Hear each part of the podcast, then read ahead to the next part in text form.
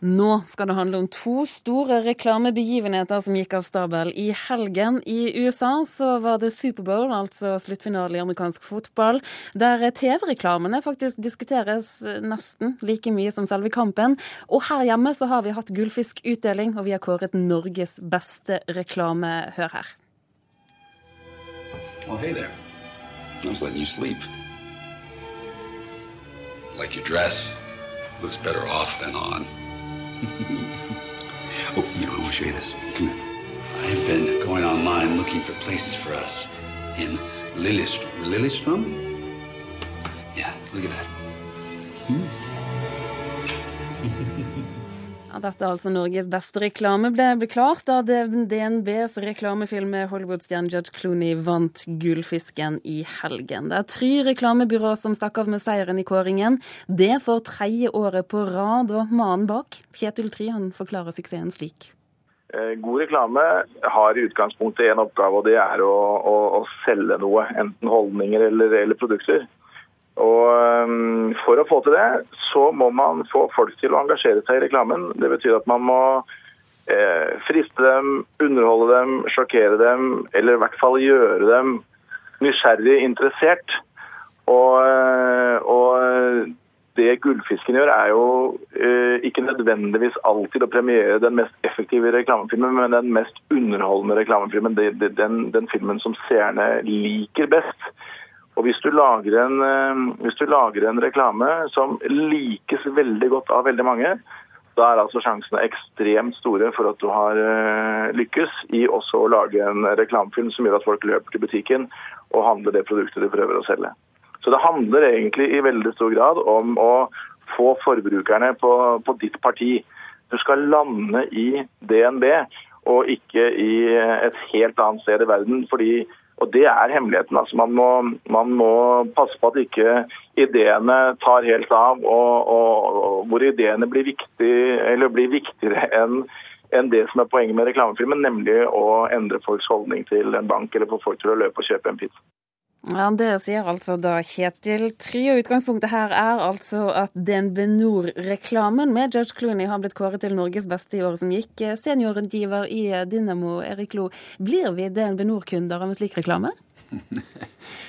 ja, men det, Jeg tror at DNB Nord-kundene, som jo er ganske mange, eh, trives veldig godt med en sånn eh, reklame fra banken sin. Og så er jeg helt sikker på at de ansatte i DNB Nor syns at dette her er en fin reklame. De syns det er eh, morsomt å, å, jobbe i DNB Nor og kunne identifisere seg med en sånn type reklame. Og det er jo ikke så veldig uviktig, det heller. Men hvorfor er det viktig?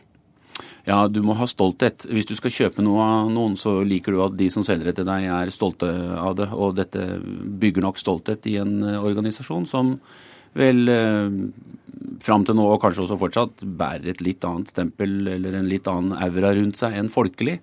Men de de bruker nå reklame som ett av flere virkemidler til å, til å endre folks oppfatning av banken. Knut Kristian Hauga, du er redaktør i bransjebladet Kampanje.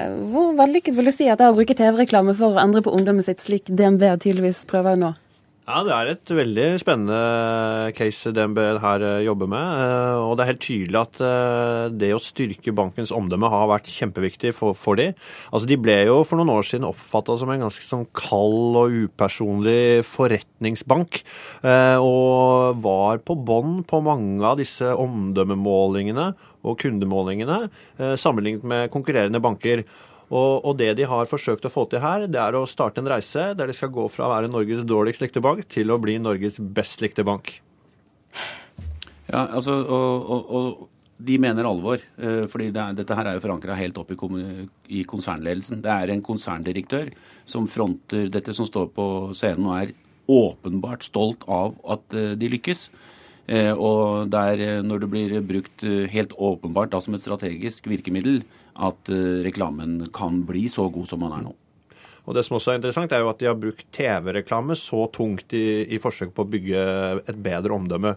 Der man kanskje tidligere brukte litt andre verktøy fra kommunikasjonsverktøykassa, type sponsing, mer generell PR, eh, så er det nå eh, TV-reklame man faktisk bruker for, for å bygge, bygge dette omdømmet. Hvorfor fungerer det å dra inn en så kjent person som George Clooney, da?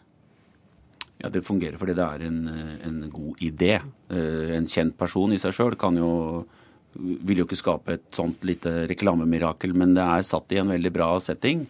Eh, Han har jo den, en, en helt spesiell aura ved seg, som vel de fleste mannfolk misunner, selvfølgelig. Så det er jo sikkert de, de jentene som har stemt på han. Men han er en kul eh, fyr. Det er vanskelig å mislike han. Og så har de kasta bra på, på den eh, danske modellen, som da er bruden her. Så det hele eh, det, det sitter. Det er, alt er i orden. Det var en rekke reklamefilmer som var nominert til årets eh, Gullfisk. Knut Kristin Hauga, hvis, du, hvis jeg ber deg om å tenke noen tanker om hvordan ståa er når det gjelder produksjon av TV-reklamer i dag, eh, bra kvalitet, vil du si? Ja, jeg vil si at årets eh, finaleheat, da, som besto av tolv uh, reklamefilmer lagd gjennom året i fjor, eh, viser at det var eh, en finale litt på det jevne. Eh, kunne kanskje savnet noen flere filmer som eh, vakte litt mer begeistring, eh, og noen av disse nøkkelordene Kjetil Try var innom. Eh, så, så, men en film eh, helt på det jevne, men kanskje med litt få høydepunkter. Tør vi nok, eh, synes du, Erik Lo? Nei. Vi gjør ikke det. Eh, vi, er, eh, vi går eh, inn mot midten av veien. Og, og det kan ha flere årsaker. Det kan ha et sånt ekstremt fokus på at alt må virke. Altså at vi, det, er viktigere at det virker ålreit enn at det, innimellom ikke virker i det hele tatt. For det er jo det det handler om. Alle store prestasjoner har et element av mot i seg. Og motet handler egentlig om å tørre å mislykkes. Og, og, og det er nok blitt eh, litt borte. Og det handler litt, tror jeg, om det eh, som eh, vi så vidt diskuterte i stad. Hvor er det beslutningen om reklamen er plassert? Og dess høyere opp i et uh, hierarki den kommer, dess større er egentlig muligheten for å få gjennom ting. Fordi de gjenkjenner uh, gode ideer, og de kan ta beslutninger. Eh, Og er, har mindre beslutningsvegring og forsiktighetsstyring enn lenger nede i en organisasjon. Vi skal bevege oss eh, litt grann i avstand til USA, der de kanskje gutsa litt mer, hva vet jeg. Men i hvert fall i helgen så var en av verdens største, om ikke den største reklamebegivenheten, den gikk av stabel i går, Superbowl i USA. Det er altså 100 millioner amerikanere som ser på, og denne reklamepausen har altså blitt viktig. Vi har klippet ut eh, noen høydepunkt. Whoa, whoa, whoa, new Samsung Galaxy Note. It's got a pin? I don't know what I believe in anymore. The Acura NSX. It's coming. I want it. I would love to have the first one. I'm so sorry, Mr. Seinfeld, but you're number two on the list. Who's number one? That guy. Okay.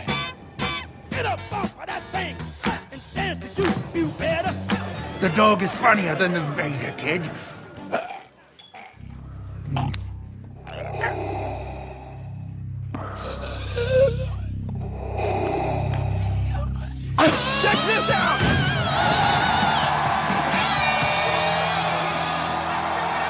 Introducing the Galaxy Note from Samsung.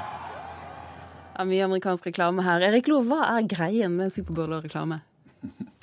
Nei, Det er jo utrolig mange mennesker som ser på. Da. Det er jo, de, har jo regn, de regner jo på alt, og de har helt sikkert regna hjem at dette lønner seg. Eh, å betale de absurde med millioner dollar det er for hvert eh, sekund der. Eh, så det er nok en, en eh, kalkulert eh, risiko de tar. Og så veit de at konkurransen er enorm. Altså det, det reklamesegmentet som de der skal vise sammen med, der er det tøff konkurranse. Og så har alle da skrudd til.